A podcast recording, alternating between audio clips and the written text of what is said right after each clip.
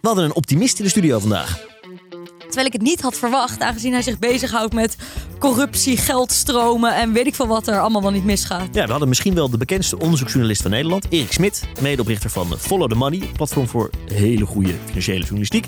We gaan het hebben over waarom hij tien jaar heeft gestudeerd. Ja, eh, maar ook die docent die zei, jij schrijft beroerd. En Erik dacht, nou, dat gaan we nog wel eens even bewijzen. Na een kleine depressie van drie dagen. En wat je, in, wat je moet hebben als je een hele goede onderzoeksjournalist wordt. Jij bent een beetje, je hebt, het lijkt je wel wat, hè? Het lijkt me wel wat, maar ik denk niet dat ik objectief genoeg zou zijn. En ook niet onafhankelijk genoeg. Je hoeft dus niet objectief te zijn. Nou, dat zit allemaal in deze aflevering van uh, De Keuzenkast. Zo, Hanna. Een grootheid in de journalistiek vandaag uh, bij ons aan tafel. Durf ik wel te zeggen. Erik Smit, beroemd geworden als medeoprichter van uh, Follow the Money, platform voor financiële onderzoeksjournalistiek. Nog steeds daar co-hoofdredacteur, co-oprichter en winnaar van De Slimste Mens. Dat is wel een heel belangrijk feitje. Hoe vaak, wordt, hoe vaak wordt dat erbij gehaald? Regelmatig inderdaad. Ja. Hoi. Hi, Goeie, welkom dat je er bent. Heb, jij, heb jij een abonnement op Follow the Money? Ja, ik heb een studentenabonnement. Lidmaatschap, Lidmaatschap. Oh. Ja, ja, ja. ik ben nog studentlid. Dus je verdient, maar ik ben geen student meer.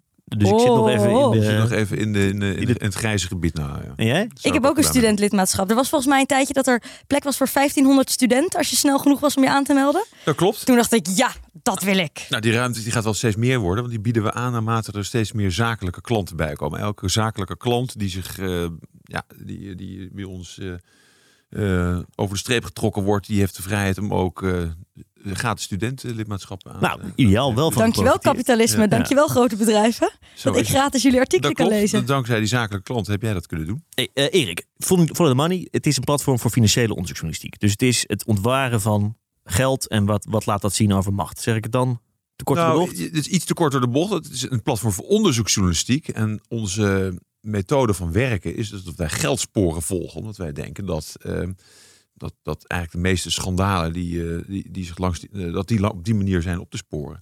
Het, het meeste in de wereld gaat eigenlijk om economische belangen. Dat is ons inzicht. Eh, en, en wij zien dat eh, eigenlijk alles wat met macht te maken heeft en met het verkrijgen daarvan het, en, en dus ook het controleren van macht, dat je dat het beste op die, op, op die manier kunt doen. Ja. Door het volgen van geldsporen. En wij stellen heel vaak de vraag, waar, hoe word je 's ochtends wakker? Eerste aflevering ook aan jou gesteld. Toen zei je nou boos, boos, op Boos Shell, op de wereld, boos op de boos wereld. op Shell. Hoe word jij wakker? Ook zo strijdbaar? Nou, ik ben niet zo. Mijn, mijn, mijn, a priori ben ik niet boos. eh, maar ik, ik, ik ben wel iemand die boos kan worden.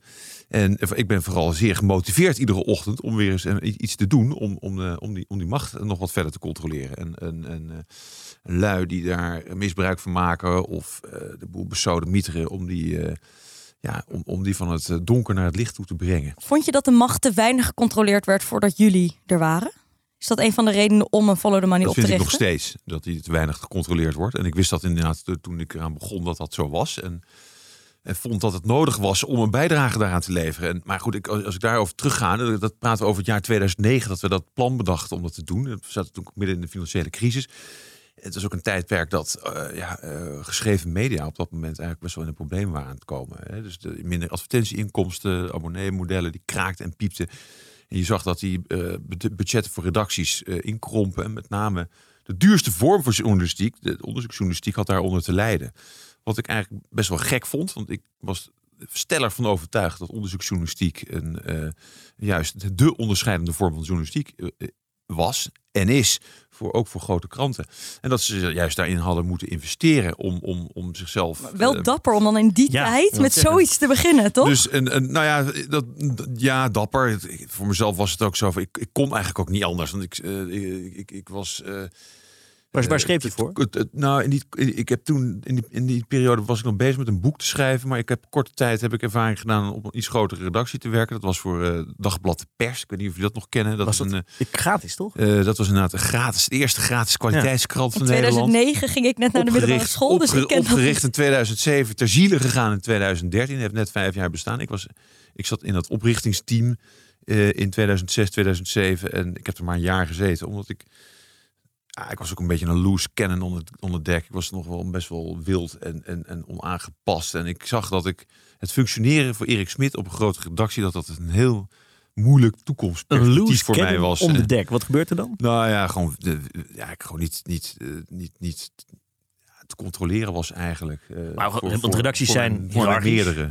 Dermate eh, weinig ontzag voor, uh, voor leidinggevenden dat dat, uh, dat het problematisch werd. Uh, de enige methode voor mij eigenlijk om, om nog een, een, een, manier te vinden om in de journalistiek actief te blijven en om dat met anderen te doen, was zelf iets beginnen. Dus dat, dat is ook gebeurd. Dus even terug naar het jaar 2009 waarin we dat bedachten. Dus dat stond tot de piep en te kraken. En er was inderdaad eigenlijk amper een model op dat moment uh, wat, wat, uh, ja, wat bestond waarin onderzoeksjournalistiek laten we zeggen, zichzelf kon bedruipen, zelfstandig. Dus Ja. dat moest er nog een beetje uitgevonden worden. En hoe, hoe begin je dan zoiets? Als in, ga je naar de Kamer van Koophandel toe, Ja. beslis je, we gaan dit, hoe, zeg maar, Dat klopt. zit je aan de ja, keukentafel en ga je dan gewoon een plan Je schrijven? begint inderdaad met een, met, een, met een plan en met een inzicht. Ja, dit moeten we doen. En, kijk, eh, en dit gaan we maken. En, en het kwam een beetje voort uit de tijd dat ik nog bij... bij ik ben begonnen ooit eh, bij Quote, het zakenblad. Eh, en mijn eerste werkdag daar was 4 januari 1999. Dus dat is, ik ben nu iets meer dan 24 jaar journalist. Niet je eerste baan dus. Eh, nee, het was niet mijn eerste baan, nee. Maar ook, eh, ik, ik was daar niet heel veel eh, lang daarvoor was ik afgestudeerd. Ik studeerde pas op mijn dertigste af, ja. Zo, Daar komen we zo meteen wel even over te praten, vermoed ik. Studententijd, daar zijn we ook benieuwd naar. En, ehm, eh, ik heb een jaar daarvoor, voordat ik journalistiek inging, even voor een, een bedrijf gewerkt, een, een internetbedrijf.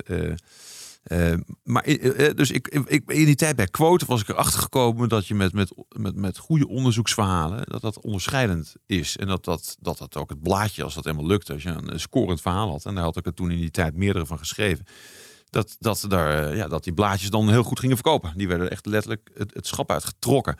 Eh, nou, dus ik wist dat je, met, met andere woorden, dat je met, met een goede onderzoeksverhalen, dat je daar een publiek mee kon trekken. Dat, dat kon. Wat waren de eerste zaadjes die jij zag waarvan je dacht, hé, hey, dit klopt niet helemaal. Hier moet ik even kijken wat de jaarcijfers zijn. Even kijken wie er allemaal nog meer bij betrokken zijn. Is dat een soort in- instinct dat je toen al ja, had? nou kijk, bij, bij Quote kwam ik natuurlijk sowieso inderdaad bij een zakenblad binnen. Hè, dus dan ga je sowieso al die, die, die, die route bewandelen. Ik, ik had ook economie gestudeerd, dus het was ook volkomen logisch dat ik ook dat pad opging. Ehm voor mijzelf, eh, ja, wat waren mijn eerste verhalen bij Quote? Dat waren inderdaad eh, eh, misstanden die te maken hadden met, met, met, met types die ja, iets, ja, een beetje aan het graaien maar is geslagen dat een gut feeling van, nou, dit zal wel niet helemaal lekker zitten? Ja, nou, dat, dat is een combinatie van die beide. Dus ook eigenlijk gewoon wel een gevoel bij hebben van, van waar- zit een verhaal. Dingen horen ook. Ik, ik ben altijd wel iemand geweest die via, zeg maar, via eh, een netwerk, om het zo maar te noemen, eh, maar via mensen, Ja. via contacten dingen hoorde. Eh, en en vaak betekent dat gewoon eigenlijk gewoon contacten, netwerken. Dat, veel in de kroeg hangen, dat kon ik goed. Dus eh, en daar deed ik ook veel relaties Vandaag op, om het zo maar te affiliëren. zeggen. Dus als je een En, goede onderzoeksjournalist en- wil zijn, hang veel in de kroeg. Sterker nog, als je goede verhalenverteller wilt zijn, dan, dan moet je in staat zijn, is dat mijn eh, credo, om vanaf de hoek eh, van de bar eigenlijk aandacht eh, op je te vestigen. En dat je dan eh, in korte lijnen een, een, een, een spannend verhaal kan neerleggen. En eh, als je dat kan, nou, dan, dan, dan is de basis van, het- van het verhalen vertellen, eh, je wordt, wordt, ligt daar in essentie. Eh, is gewoon heel goed wat wij hebben gedaan. Ja. Afgelopen Precies. acht jaar. Is gewoon, ja. het is alleen maar nuttig. Ja. Het ene biertje na het andere en het ene sterker verhaal na het andere. Maar goed, toen aan de, kook, aan de keukentafel ontstond... Dus, ja, Oké. knip, knip, knip. Nee, grapje. Ehm, aan de keukentafel ontstond toen dus Follow the Money. Ja. Heet het dan meteen zo? Was het meteen kroeg al het idee? het. Oh, kijk. ook in een, in een klein tentje in de pijp. Dat heette Fonk. Dat bestaat inmiddels niet meer. Wij dachten ook in het begin nog heel even om dat platform Fonk te noemen. Maar, maar dat, dat omdat we, ja, weet je, dat hebben Ja, we dan vaak een van waar, ja. daar, daar waar je voor het eerst plan eh, be- be- bespreekt, daar ga je het naar vernoemen. Maar het was veel beter idee om het inderdaad Follow the Money eh, te noemen. En gelukkig eh, was een, een, een, een goede vriend van mij, toenmalige art director van, ooit het art director van Quote, Dirk Hattink. Eh, die ons daar nog eens even extra op wees. En eh, uit voor het voorzorg al het URL voor ons eh, aanschafte. En dat zei van jongens, hier geen gezeur. Jullie gaan jezelf gewoon Follow the Money noemen. Hier is alvast het URL. Nou, dat, dat heeft hij goed gedaan. Dat hebben we ook keurig opgevolgd. En toen, wat was het eerste verhaal? En het eerste verhaal, ja, kijk. De eerste we- grote scoop? De, de, de eerste grote, ja, dat, we, de eerste, we kwamen uit in de periode dat ik met, met Nina Brink overhoop lag. Het boek van mij, dat, wat ik schreef, de, bi- de biografie van, van, van Brink. De van- zakelijke ja. biografie, die kwam uit in maart 2010. Dat is ongeveer ook meneer met, met, met, Nina Brink is de oprichter van World Online. Ja, die, eh, Nina Brink is een zakenvrouw, oprichter van World Online, het grootste internetbedrijf wat, eh, eh, nou, Nederland ooit gehad heeft, kan je bijna zeggen. Ja, gehad heeft inderdaad. ja. Nou, in ieder geval in die tijd dat het naar de beurs ging. Dat was 17 maart 2000. eh, en dat bedrijf dat ging op een... nou ja, die beursgang werd een grote mislukking. Een historische mislukking. Eh, en daar heb ik eh, over die vrouw die dat bedrijf heeft opgericht, Nina Brink. Dus heb ik een, een, een boek geschreven. Eh, en, en in die tijd kwam ik ook eigenlijk wel achter... we- Dat is, ook wel een, belangrijk punt eigenlijk. Want ik dacht van, ja, ik, heb dat boek geschreven. Ik kreeg er een hoop trammeland mee. Rechtszaken en noem maar op. Ik denk, waarom heb ik dat nou eigenlijk gedaan? Wat, wat, wat vertel ik hier nou eigenlijk?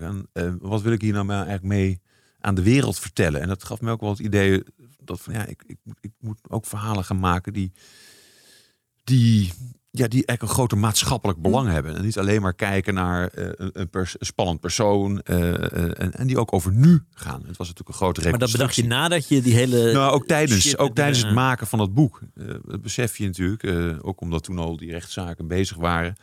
Toen al belaagd werd. Schrok dat je niet af, dat soort rechtszaken? Dat je dacht van, ha, of dacht je alleen maar van nee, en nu gaan we doorpakken? Nou ja, voor soort ik- ik- rechtszaken ik- waren het ik- eigenlijk? Nou ja, dat, dat- je wordt natuurlijk aansprakelijk gesteld voor, voor zaken. Dus ik werd. En dan krijg je eh, eh, eigenlijk de, de, de, eerste aanklachten binnen. Dat wil zeggen dat, dat, dat de juridische procedures dan al beginnen. Maar dan de dagvaarding, die, de allereerste begon. die kreeg ik voor me kiezen in, in maart 2008. Toen, was- toen moest ik nog beg- beginnen met mijn boek. Ik moest de eerste letter nog op papier worden gezet. Maar dan heb je Ehm, ook collega's die zeggen... Nee, maar Erik, als jij nog geen rechtszaak aan je hebt... dan doe je je werk niet goed. Eh, Dat, dat klopt ook. Ja, nou ja, god, die moet er in ieder geval als onderzoeksjournalist wel een keertje mee eh, geconfronteerd zijn geweest. Dat heb ik wel een paar keer meegemaakt dus. Eh, maar tegelijkertijd, wat jij zegt van ja, is dat fijn? Nee, dat is helemaal niet fijn natuurlijk. Je, je, je moet eigenlijk een boek schrijven met het mes op de keel.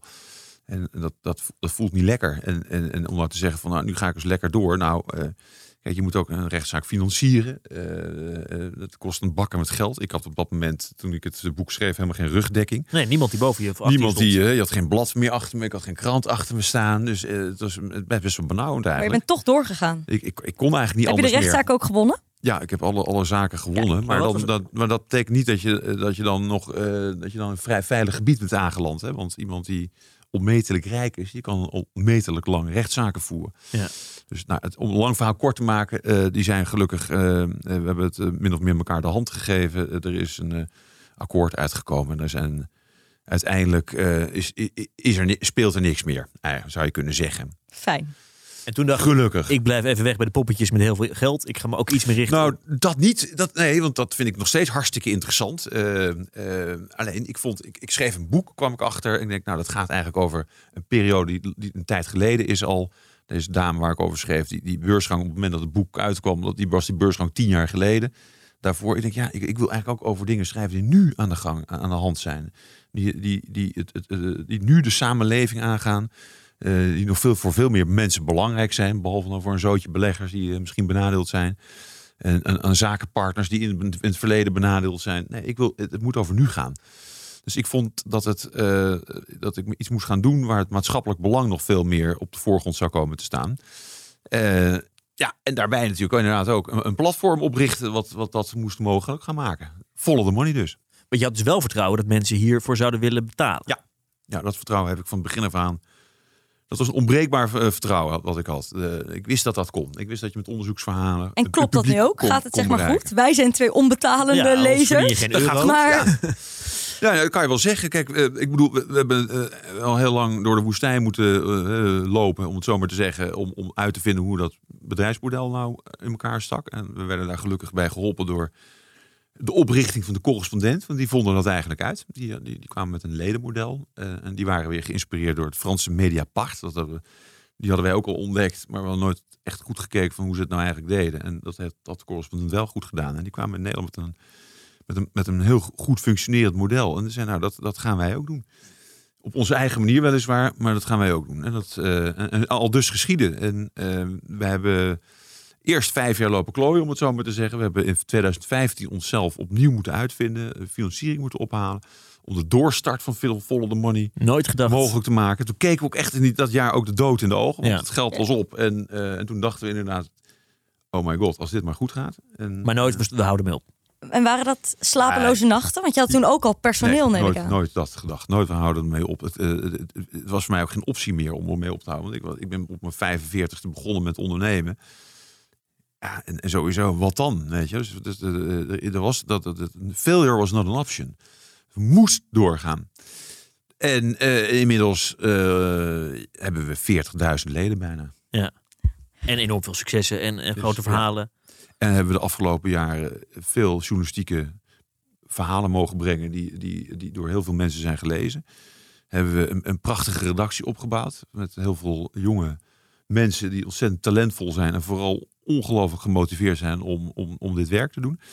Eh, Wat is er ja. voor nodig voor jonge mensen die nu luisteren om een goede onderzoeksjournalist journalist te zijn, denk je?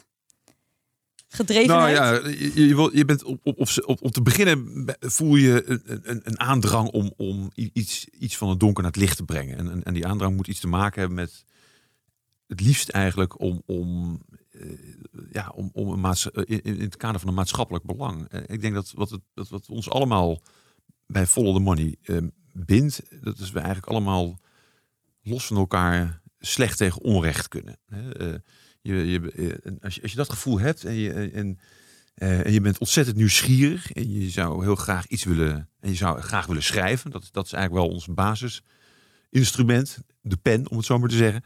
Eh, en, je wil verhalen vertellen hè? En, je- hebt ook een beetje geoefend eh, aan, aan de bar bijvoorbeeld.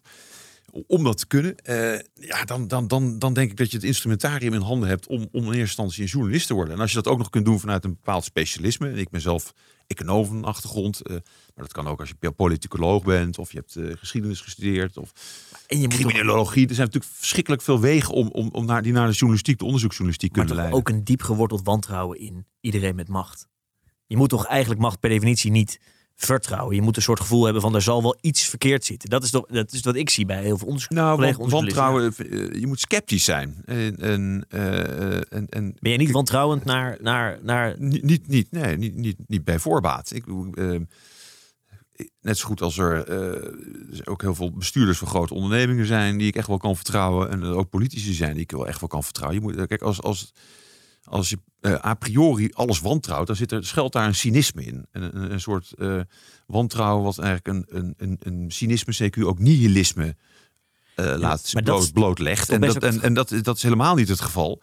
Ik ben, eh, sterker nog, ik ben zelfs een, echt een, op- eh, je kunt mij een optimist noemen. Ja. Eh, terwijl ik elke dag bezig ben om de boer af te breken, hè, zou je kunnen zeggen in, in figuurlijke zin. Omdat ik de dingen van het donker naar het licht haalt en mensen ja, o- o- o- bezig zijn met onthullingen die mensen natuurlijk bepaald niet eigenlijk aanstaan in de meeste gevallen. Maar ik ben, wel, ik- ik ben wel van overtuigd dat daardoor die onthullingen te doen, dat het daardoor beter kan worden. Door de macht te controleren, dat we een bijdrage leveren aan een goed functionerende eh, democratische samenleving. En dat dat ook heel erg nodig is. En daarvoor hoef je niet te denken op voorhand, er zal wel iets mis zitten. Nee, dat hoef je niet op voorhand te denken. En, maar sterker nog, je, moet- eh, je moet eh, vooral eh, denken dat, dat, dat die mogelijkheid bestaat. Maar je, je controleert. Hè. Je, moet, je moet niet op, op voorhand denken dat dat aan de hand is. Want dan ga je ook eigenlijk ook naar die slotconclusie toewerken. hè. Dan kom je als het ware als een soort Daarom van... ben ik ook geen het, het, tunnel, het, onderzoeksjournalist. het tunneldenken komt dan in, in zicht. En je moet juist eigenlijk jezelf continu bevragen. Klopt mijn aanname wel? Hè? eh, is het wel zo dat er hier iets mis is? Is dat ook wat jij doet bij de jonge mensen op jouw redactie nu? Ik, ik ben echt eh, de, de hele dag bezig van eh, waar heb je dit vandaan? Klopt dit? En eh, waar baseer je dit op? Die, die, eh, eh, hoe, Maar die hoe bewijs je dit? Ik Eh, heb misschien bijna beet. Dit, dit zit niet helemaal lekker. Ik, volgens mij heb ik een verhaal. En dan kom jij en dan zeg je, wacht even. Ja, Ehm, dat, dat hoort erbij. Ja, dat is eh, onderdeel van mijn werk is om dat te doen. Maar ook tegelijkertijd om, om, om, om hen te helpen bij het, het herformuleren van een aanname of een hypothese. Goed te kijken naar wat, eh, wat, het, wat, wat de feiten zijn die we al hebben. Eh, en ja, ook mijn instinct in, in, eh, in, ja, daarvoor in, in, in actie te zetten. Want dat is iets bij mij, wat bij mij altijd goed gewerkt heeft, gefunctioneerd heeft. En Ja. ik ook ten dienste kan stellen van, van, van andere journalisten. En roekzichtloosheid toch ook. Want je je controleert de macht. Stel je ontdekt iets wat, waarvan wat mogelijk in de haak is. Dan is, is het altijd David tegen Goliath. Het is altijd als het gaat, als, als het gaat om, om het grootbedrijf of om de overheid. Zijn er meer ambtenaren, meer medewerkers, meer woordvoerders die zich dan op jou. Moet je een soort van door en door en door willen. Nou ja, dat is ook een onderdeel. Hè. Je had net zo wat heeft een journalist nodig. Uh, een, van de, een van de belangrijke kenmerken van een goede onderzoeksjournalist dat hij op een, is dat hij over een groot doorzettingsvermogen uh, beschikt. En niet snel opgeeft. Lang in die broeks blijft hangen. En, en, en dat betekent ook dat, dat zo'n iemand in staat is ook om tegenslagen te verwerken. Of gewoon inderdaad, als je ziet dat je tegen een overmacht aan woordvoerders of weet ik veel wat staat, dat je ja, uh, dat je het geduld hebt om, om wegen te vinden die uiteindelijk ervoor zorgen dat je die, die muur van woordvoerders enzovoort weet te omzeilen. Of om eromheen gaat, of er onderdoor, of misschien zelfs dwars doorheen. uh, om op zo bij, bij, bij datgene uit te komen waarvan je denkt dat het er is. Ja. Heb jij er eigenlijk ooit over nagedacht om niet richting de tv te gaan, maar om de onderzoeksjournalistiek in te gaan? Ja, wel. Ja, maar ik, ja zeker. Um, maar ik, ik vind, de, wat ik zeg, ik heb dat, dat wat ik bij veel hele goede onderzoeksjournalisten zie. Dat, ik noem het het wantrouwen. Het is, dat is het dus niet, zeg jij. Het is een soort sceptisch. Nee, het is sceptisch. Je hebt een, laat ik het zo zeggen, je mag het ook een gezond wantrouwen noemen. Hè? Dus ik vind, wantrouwen is niet altijd het verkeerde woord. Uh, Hè, uh, waar ik voor waak altijd is dat je a priori gewoon wantrouwend bent. Hè, want dan ga je ook overal spoken zien. Ja. Hè, tel, en dat is de weg ook eigenlijk uh, naar, naar ja, complot denken ja, eigenlijk. Tunnelvisie. Ja, een tunnelvisie. Ik heb, ik heb dat minder. Jij wordt gewoon ik. vrolijk wakker. Ik, nou ja, ik word ik, iets vrolijker. Wakker. Nee, het moet allemaal wel, het moet, het moet kloppen. Maar ik ben ook wel echt wel verslaafd aan eerste lijnjournalistiek, aan, aan, aan, aan, aan de dag en op de dag er iets van maken. Dat vind ik nu nog heel leuk. Ik weet niet of ik het jaren ga doen. Nee, maar dat is ook heel leuk. En tegelijkertijd kan jij ook werken aan, aan langer lopende dossiers. Want wij hebben bij ons ook wel eens, wij moeten ook af en toe zoals een korte baan uh, afleggen. Zo, joh, het moet nu gemaakt worden, want dat hebben we nu binnen. Het is nu weg. De kans dat het wegloopt is aanwezig. Hup, pakken. En uh, binnen no time een stuk in elkaar fietsen. Dus, uh, maar we zijn in principe natuurlijk altijd bezig met die marathon. Het lange, het lange, de lange marsen. Ja. af en toe moet je een sprintje trekken tussendoor. Wat zijn de vetste verhalen van het afgelopen jaar waar jullie aan hebben gewerkt? Nou ja, ik ben heel trots op eh, de, de verschillende internationale samenwerkingsprojecten die wij hebben opgezet. Uh, en, en, dat hebben we voor het eerst gedaan. Vanuit, we hebben sinds september 2021 hebben we een kantoor in Brussel. Daar hebben we een internationaal onderzoeksproject opgezet. in samenwerking met allerlei verschillende Europese media. De Recovery Files heet dat. Vanuit het idee op Brussel is nul controle nou ja, uh, uh, inderdaad. Brussel, dat kantoor hebben we opgezet vanwege de vaststelling notabene. Dus dat er gewoon eigenlijk amper onderzoeksjournalistiek wordt verricht in het centrum van de Europese macht. Uh, en dat uh, dagbladen, alle kranten, die hebben er weliswaar uh, correspondenten zitten, maar geen onderzoeksteams. Nou, daar zijn wij. daar gaan, als, als anderen dat niet doen, doen wij dat lekker wel. Dus nu zitten er, hoeveel journalisten zitten daar? In We zitten kantoor? er nu vijf op dit moment. Op hoeveel, ja, op hoeveel ambtenaren, op hoeveel lobbyisten? Ja, dat zijn er tienduizenden. Ja. ja, nee, dat is een enorme overmacht. Nou, dus dit, dat was het eerste samenwerkingsproject, Recovery Files. En daarna hebben we een, een vanuit Amsterdam. Uh, een, een, groot uh, project opgezet. Dat heet de China Science Investigation. Waar we uh, met zo'n tien verschillende Europese media onderzoek hebben gedaan naar alle samenwerkingsprojecten op grote univer Europese universiteiten. Met, met Chinese overheden en met name dan het ministerie van Defensie. En was we ook hebben, zo op de VU. En, en we een hebben hoogleraar die correct, allemaal. Ja. ja. En, we hebben, en we hebben tot slot een hartstikke mooi project gedaan en dat heet de, de Great Green Investment Investigation, waarbij we gekeken hebben naar groene fondsen. Ja. Althans, zoals ze Tussen werden verkocht. Inderdaad, als donkergroen werden ze verkocht door de grote vermogensbeheerders in Europa, wereldwijd. En wij hebben heel goed gekeken naar van wat daar nou eigenlijk van klopt. Nou, niet zoveel dus. En bij zo'n, bij dat laatste onderzoek, zitten er dan gewoon tien journalisten dagenlang Excel-sheets door te nemen. Hoe gaat dan zo'n onderzoek? Waar begint het? Hoe nou, dat, Hoe omdat, omdat, we, dit hebben we dan samen met Investico gedaan. Uh, dat was ook heel leuk om met uh, team Investico te werken. Investico is een onderzoekscollectief van Ja, je kiest. Uh, ja. we hadden bij elkaar bedacht, nou, het wordt dus tijd dat Investico en Voldemort ook samenwerken. En nou, er kwam een mooi voorstel uit in eerste instantie.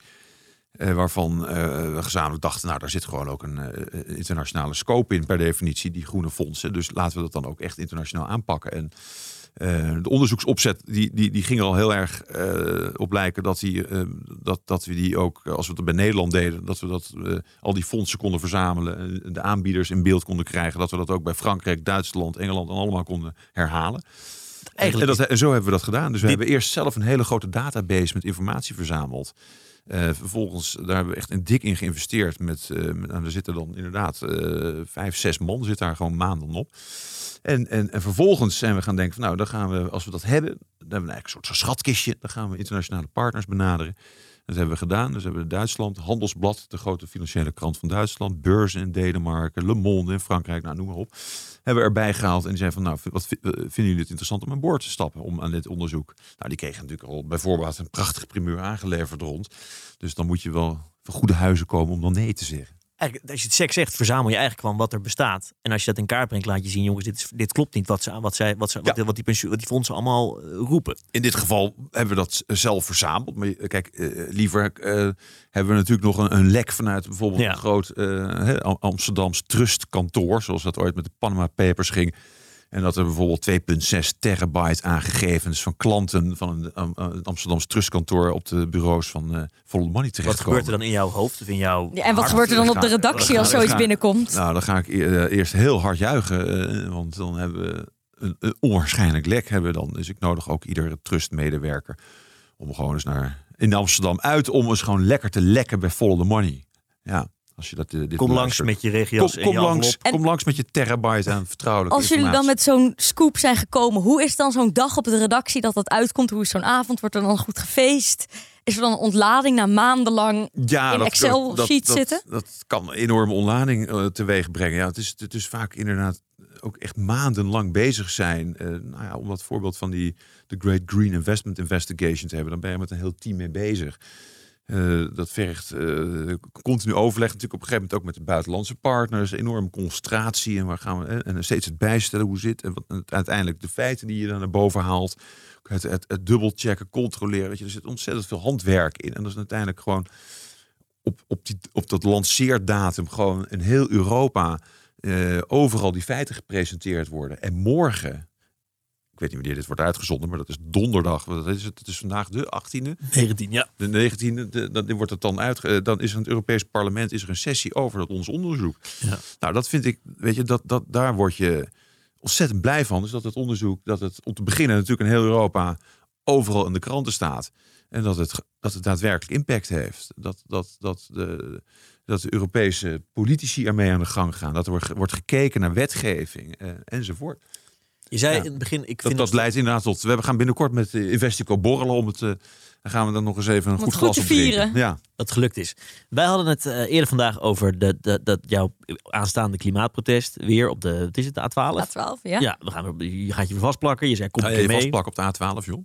Ja, ik ga onderhandelen met de politie, maar ik ben er wel. Andere mensen gaan zich wel vastplakken op de A12. Op de A12, oh jee, dat is de A12. Ik, ik, kom uit, eh, ik kom uit het oosten van het land. Ik ben geboren in Nijmegen. Ik ben opgegroeid in de buurt van Arnhem. Dus de A12 was de weg die ik altijd... eh Nee, maar is dat wel een ja, goede die is mij A12? goed bekend. Waar ook deel de- van de A12. Eh, ga je het deel even- van de A12 wat tussen de tijdelijke Tweede Kamer en het ministerie van Economische Zaken en Oh, Klimaat kijk, is. Dat is helemaal in Den Haag. Ja, helemaal in Den Haag. andere uiterste. Toen zei ik, nou, ingewikkeld met mijn werk. Los van of ik er zin in heb. En ook niet heel, hebben niet per se. Eh, ehm, want ik denk niet dat mijn werkgevers, mijn opdrachtgevers het heel leuk vinden. En toen vond ik een artikel van jou, Erik, met als kop. Het is volstrekt idioot om als journalist afzijdig te blijven. En dat ging Ja. natuurlijk niet zozeer over activisme. Maar ik ben ook, ik heb een journalistieke opleiding gedaan. En daar is nog steeds onafhankelijkheid. Objectiviteit niet meer, maar wel, weet je wel, je, je, je, je, moet je niet liëren aan wat dan ook. Is daar nog steeds de basis. Ja, Zeg je dat ook tegen jouw medewerkers? Mogen die meedoen met Hanna's demonstratie? dat is iets anders. Ehm, kijk, eh, onderzoeksjournalistiek, eh, eh, en, en wat ik met die kop bedoel, het is volstrekt idioot om als journalist afzijdig te blijven. Dat, dat, dat, dat is natuurlijk ook een gechargeerde kop natuurlijk, daar trek je lezers mee. Waar het, daar, daar- waar het artikel in essentie om gaat, is natuurlijk dat je als als je onderzoeksjournalistiek als je onderzoeksjournalistiek bedrijft en, en, als onderzoeksjournalistiek eh, journalist bezig bent, dat je je natuurlijk heel erg verdiept in, in, in, eh, ja, in misstanden. Hè? En, en dat, je, dat, je, dat je niet als een soort machine eh, zonder iets te voelen afzijdig bent. Je bent je, natuurlijk ben je bezig met, met een misstand en die van, om die van het donker naar het licht te brengen. En natuurlijk kun jij je vereenzelvigen met eh, de gevolgen die, die, die, een, een, die een, ja, een slachtoffer moet ondervinden. En ga je natuurlijk ook inleven natuurlijk in, in, de, in de manier van opereren van een, van een dader. Eh, maar je, je, je, zit, natuurlijk zit je niet afzijdig erin. Je wil iets dat iets opgelost wordt. Je wil, je wil dat, dat een, een misdaad of een vorm van misdaad, dat dat, dat, dat eh, dat, dat dat aan het licht komt. Dat de daders worden be- berecht als die, er, als, die er, als die er inderdaad zijn. Als een rechter dat ook zo vindt. Later op basis van de feiten die wij aan het licht hebben gebracht. Je wil dat eh, de macht gecontroleerd wordt. Jullie journalistiek Dus daar- is eigenlijk ook een vorm van activisme. Dat, dat klopt. Dat, dat is ook zo. Ja? On- onderzoeksjournalistiek in wezen is natuurlijk een vorm van activisme. Maar let op. Het moet, je moet niet zo zijn dat, dat onderzoeksjournalisten meegaan lopen in demonstraties en zo. En eh, dat, je, moet, je moet wel afstand bewaren. Je moet vooral eh, ook heel erg onafhankelijk zijn van iedereen. Eh, onafhankelijk kunnen denken. Ehm, dus je, je mag met van allerlei misstanden mag je je vereenzelvigen en, en zorgen dat er werk gemaakt wordt om die misstanden een, einde, een halt toe te roepen. Maar het is niet zo dat op het moment dat, nou, ik noem maar een voorbeeld, ik heb eh, eh, eh, ooit de, de zaak met, samen met Kim van Keken aan het licht gebracht van een, van een sjoemelende voorzitter van de VVD. Henry Keizer. Henri Keizer, ja. Het is niet zo dat ik dan zelf een rechtszaak tegen die man ga beginnen of wat dan ook. Dat kan helemaal niet. Hè, wat, wat, een, wat een daad van activisme zou kunnen zijn. Of dat ik zelf met bordjes voor, voor het, het kantoor van de facultatieven ga staan van... u zijt een oplichter. Ja. U heeft de boel besodemieterd. Dat kan niet. Nee, mijn werk zit erin. Mijn, onze vorm van activisme is in feite dus het, het, de feiten aan het licht te brengen. De zaak van het donker naar het licht te brengen. Dat, dat is de wijze waarop wij ons. eh, eh, en dan, dan is het aan de samenleving om daar iets verder mee te doen. Dan dat gaat het om NGO's, dat gaat het om, dan gaat het om de politiek die de stappen moet nemen. Dan gaat het om. eh, het kan, kunnen ook andere groepen burgers zijn die zeggen inderdaad, we gaan een rechtszaak beginnen. You name it. En het, maar het gevaar is toch als je je heel erg vereenzelvigt met, met het onrecht wat je bijvoorbeeld ziet. Dan, dan moet je dus continu door je omgeving worden bijgestuurd op tunnelvisie. Op dat je Ja. je niet eh, je gek Nou ja, dat is mijn taak ook. Hè? Dus dat je, dat je continu eigenlijk. Maar dat is eigenlijk ook wel de taak van de journalist zelf natuurlijk. Hè? Je, je, je bent eigenlijk bezig om, om iets eh, te onderzoeken. En je moet ervoor zorgen eigenlijk ook dat je er- ergens altijd het advocaat van de duivel ergens op je schouder ook zit. En, en dat hij meedenkt. Ook met jezelf. Je moet de hele tijd heen en weer kunnen gaan. Klopt dat wat ik zeg? Klopt het? Klopt mijn redenering? Je moet de hele tijd kunnen tegendenken. Eh, en als je dat eh, niet goed genoeg doet, eh, dan, dan zorgt eh, een eindredacteur en een hoofdredacteur daarvoor. En wij werken ook graag met teams. Mensen die, die samenwerken, die, die, die kunnen elkaar ook weer heel goed scherp houden. Waardoor continu dat spel plaats heeft. Van klopt het wel wat ik denk? Klopt, en, en zijn de feiten die ik hier boven water heb gehaald, vertellen die daadwerkelijk het verhaal? Niks voor jou, Hanna. Het samenwerken en het achter verhalen komen wel. Maar ik denk dat ik het dan niet zou kunnen laten om met een bordje voor een kantoor te gaan staan. Om toch even te zeggen van, en nu moet er ook daadwerkelijk een rechtszaak komen. Ja. Maar wie weet hè? Ja, je weet het niet. Nee, maar ik ben dan niet meer objectief genoeg, denk ik, over een aantal onderwerpen. Nou, kijk, dat is het punt. Hè. Objectiviteit, eh, en dat, dat heb ik ook in dat ene bewuste artikel eh, beschreven. Dat is natuurlijk een illusie. Niemand is objectief. Dat bestaat helemaal niet, objectiviteit. Dat misschien in de wiskunde ergens heb je. De, de, de, de, echte objectiviteit is waarneembaar. Dus een, een, eh, Maar onafhankelijkheid bestaat wel. onafhankelijkheid bestaat natuurlijk wel. En, en, en die moet je ook eh, kunnen laten zien dat je onafhankelijk ben- bent. En dat je, dat je niet invested bent. Dat ik niet, omdat ik over groene fondsen schrijf. eh, en, maar, laten we zeggen, het, het, de aanbieders van groene fondsen ontmasker. Dat ik aan de andere kant geïnvesteerd heb om eh, de, de, de concurrenten daarvan bij wijze van spreken. Eh, dat ik daar eh, op meeloop. Nee, dat kan niet. Je moet aan alle kanten moet je proberen eh, en ook laten zien dat je onafhankelijk bent. Daar moet je ook verantwoording voor afleggen, vind ik. Ik ga een potentieel gevaarlijke vraag stellen voor mezelf. Je zei de macht wordt nog steeds veel te slecht gecontroleerd als je kijkt naar, naar, naar, naar wat we nu zien aan, aan journalistiek. Als jij het nieuwsaanbod een cijfer moet geven tussen de 1 en 10, anno 2023, welk cijfer geef je het dan? Gewoon in de breedte, de kranten, de tv-programma's, radio. Ik, ik vind dat er in Nederland hele goede journalistiek gemaakt wordt. Dus ik, ik vind dat wij op als je het internationaal zet, neerzet, dan zitten wij op acht. Oké. Eh, en er is nog echt wel het, het, het een en ander te wensen over. Dus als je zegt van nou ja, eh, wat, wat vind ik eigenlijk zelf, dan zou ik het liever eh, naar, naar, naar eh, 6,5, 7 zetten. Maar als je het echt, als je het, als je het internationaal vergelijkt, dan maken wij hier hele goede kranten. Er worden, eh, hebben we goede nieuwsprogramma's. Oké, de talkshows, die, eh, dat, dat praat je over iets anders.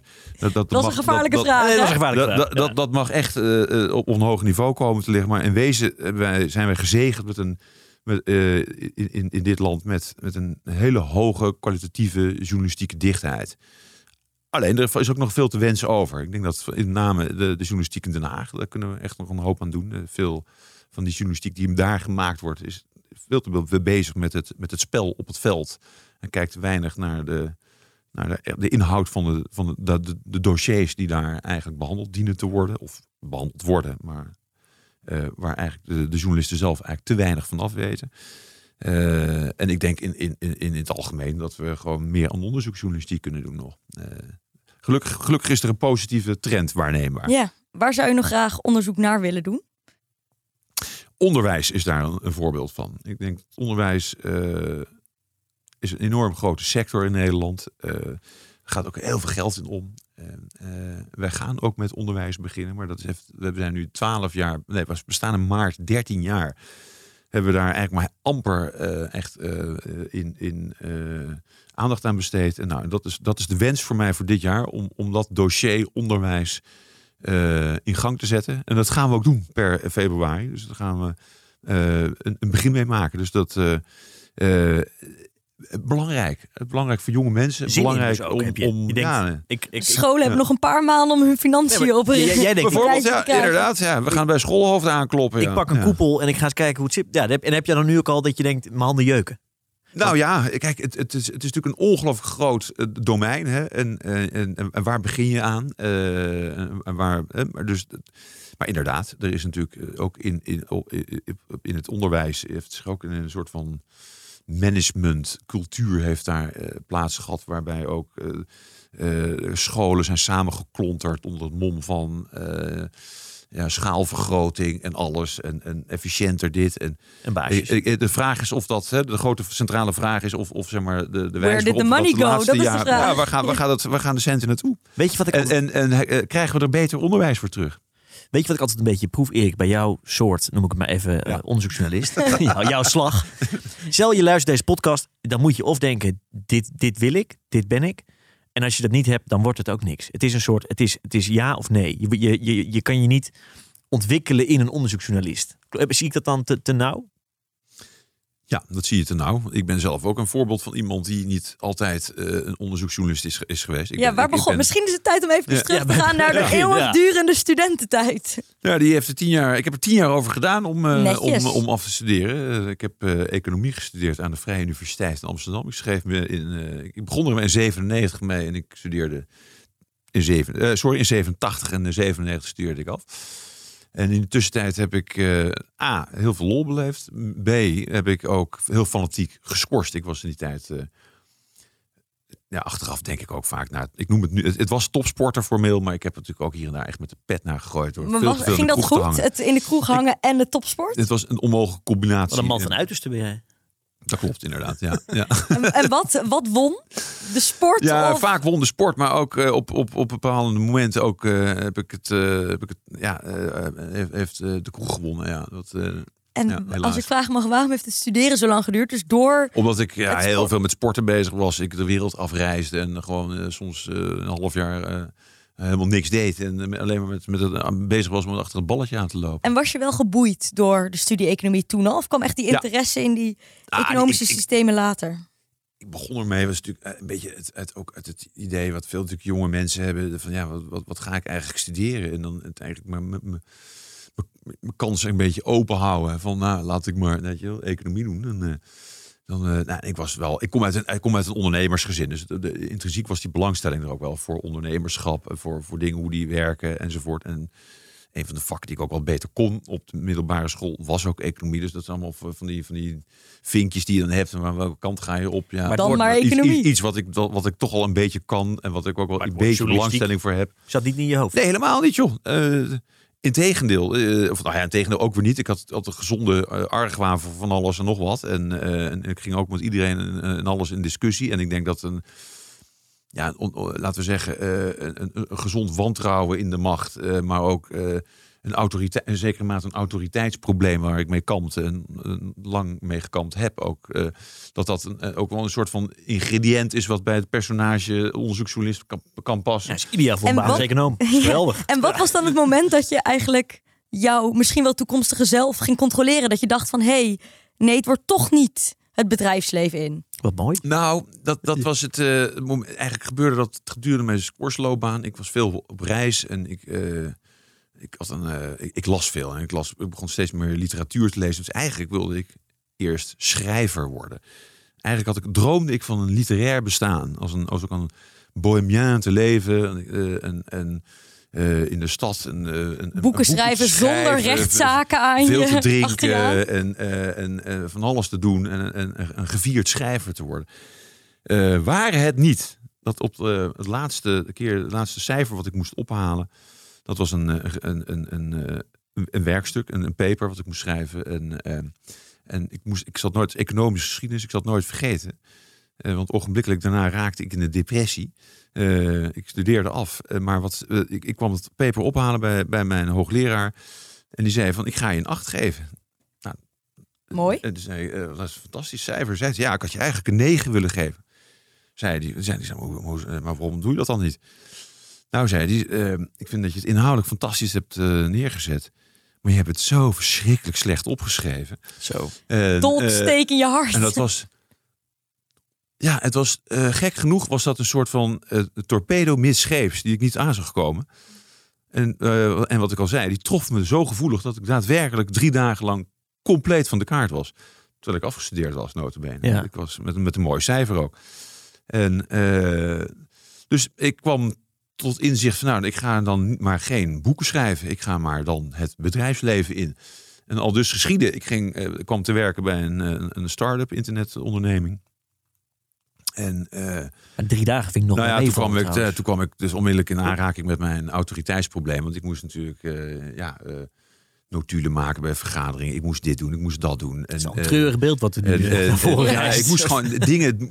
Je moet dit, weet je. Dat is iets wat ik onmiddellijk. eh, ja, hoezo moet ik iets? Weet je wel, ik moet niks. Hoeveel maanden heb je het volgehouden ik uiteindelijk? heb het tien maanden volgehouden. Nog best knap. Eh, en eh, toen, nou ja, het was wel het internet, internettijdperk. Hè, dus het was ook wel eigenlijk. Het, het, het internethype was in volle gang. Het was eigenlijk een vrij domme beslissing. Als je rijk wilt worden, had ik moeten blijven zitten. En zelf verder mo- moeten gaan in die wereld. Maar nee, ik kwam in dat jaar tot inzicht. Ik ga toch schrijven. Dus ik had me ingeschreven voor een schrijfcursus. Het colofon bestond ook nog in Amsterdam. En ik denk, nou, dan ga ik wel even scoresles erbij geven. Ik ga hoe dan ook schrijven. En ik, wat ik ga doen, ik ga het combineren met die studie die ik gedaan heb. Eh, economie, dus ik ga journalist worden. Zat die hoogleraar economische geschiedenis nog in je hoofd toen? Die, die- die zit nog steeds in mijn hoofd. Ja. Echt? nou ja, Ja, nee, maar natuurlijk. dat is, ja. Eh, Ik denk van, ik ga, ik, verdomme, ik ga het toch laten zien dat ik het wel kan. Dat Heb je schrijven. je eerste boek, toen hij af was, opgestuurd naar die hoogleraar? Met, nee, nee, dat heb ik, dat, kijk. nee, dat heb ik nooit gedaan. Nee, eigenlijk zou ik hem nog wel nog eens moeten bedanken. Ik moet, eh, dat is goed. Ja, we goed bedanken dat hij een soort, eh, soort het, het Ja. bewijsdrang in je heeft wakker gemaakt. Nou ja, ook de, ook de frustratie natuurlijk. Ja, dat is eigenlijk dat is ook wel een kenmerk van iets van wat mij. van als mij verteld wordt dat ik iets niet kan, dan ja, hoezo niet? Dan, ja. Dus dat, dat heb ik wel laten zien. Hoe ik je zeg, het eerste anderhalf jaar bij Quote ook niet over een leien dakje ging. Want ik kon inderdaad nog niet zo goed schrijven. Dat klopt ook. Maar het verhalen vertellen, wat natuurlijk een, belangrijk onderdeel van het schrijven is, dat, dat zat in me. En dat, dat bleek toch wel ergens mijn talent te zijn. Ehm, maar ik kan je vertellen dat het eerste anderhalf jaar eh, bij, Quote, een Quote is een maandblad, had iedere maand schrijven dan een groot verhaal. Heb ik echt letterlijk jankend achter mijn computer gezeten, omdat ik, ja, omdat ik gewoon echt elke keer opnieuw in paniek raakte van Jezus Christus. En hoe ga ik dit verhaal, hoe ga ik het opschrijven? Wat is het begin? Wat is het middenstuk? Wat is het eind? Hoe zit die structuur in elkaar? En dan had ik zoveel informatie verzameld in mijn nieuwsgierigheid, dat ik door de bomen het bos niet meer zag. En iedere keer weer opnieuw mezelf voor een bijna onoplosbare puzzel had gesteld. En, en, en, en daadwerkelijk existentiële paniek ehm, toesloeg. Omdat ik denk van als ik dit niet kan, wat ga ik dan in godsnaam met mijn leven doen? En hoe heb je dat opgelost? En Nou de ja, existentiële paniek en de hoe schrijf je een verhaal in een soort van dat het je één coherent nodig? stuk Heb je wordt? Daar heb ik iemand nodig. nodig. Nou, Ja. dat was in eerste instantie met mijn huidige partner Arne van der Wal. Dat was eh, de eerste man die zich over mij ontfermde. Die mij onder, eh, onder zijn vleugels nam. Mede oprichter van Folder Money. Daar kwam ik echt letterlijk naast te zitten toen ik bij Quote ging werken. En die dacht, jongens, zal ik heel even met je door je aantekeningen me, gaan. nou, die, precies, die heeft me geholpen met, met het denken, nadenken over hoe je een verhaal opzet. En andere collega's ook bij Quote. Jort Kelder heeft me erbij geholpen.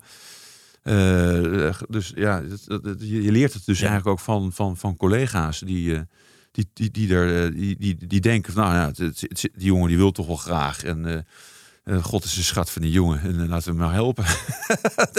en Ke- Kelder had me ook wel aangenomen met het idee van, nou, het is waarschijnlijk zo dat hij natuurlijk helemaal niks kan. Dat het een dramatische schrijver is. Maar ach, hij komt uit de topsport. Hij zal wel, hij zal wel door weten te zetten. Ja.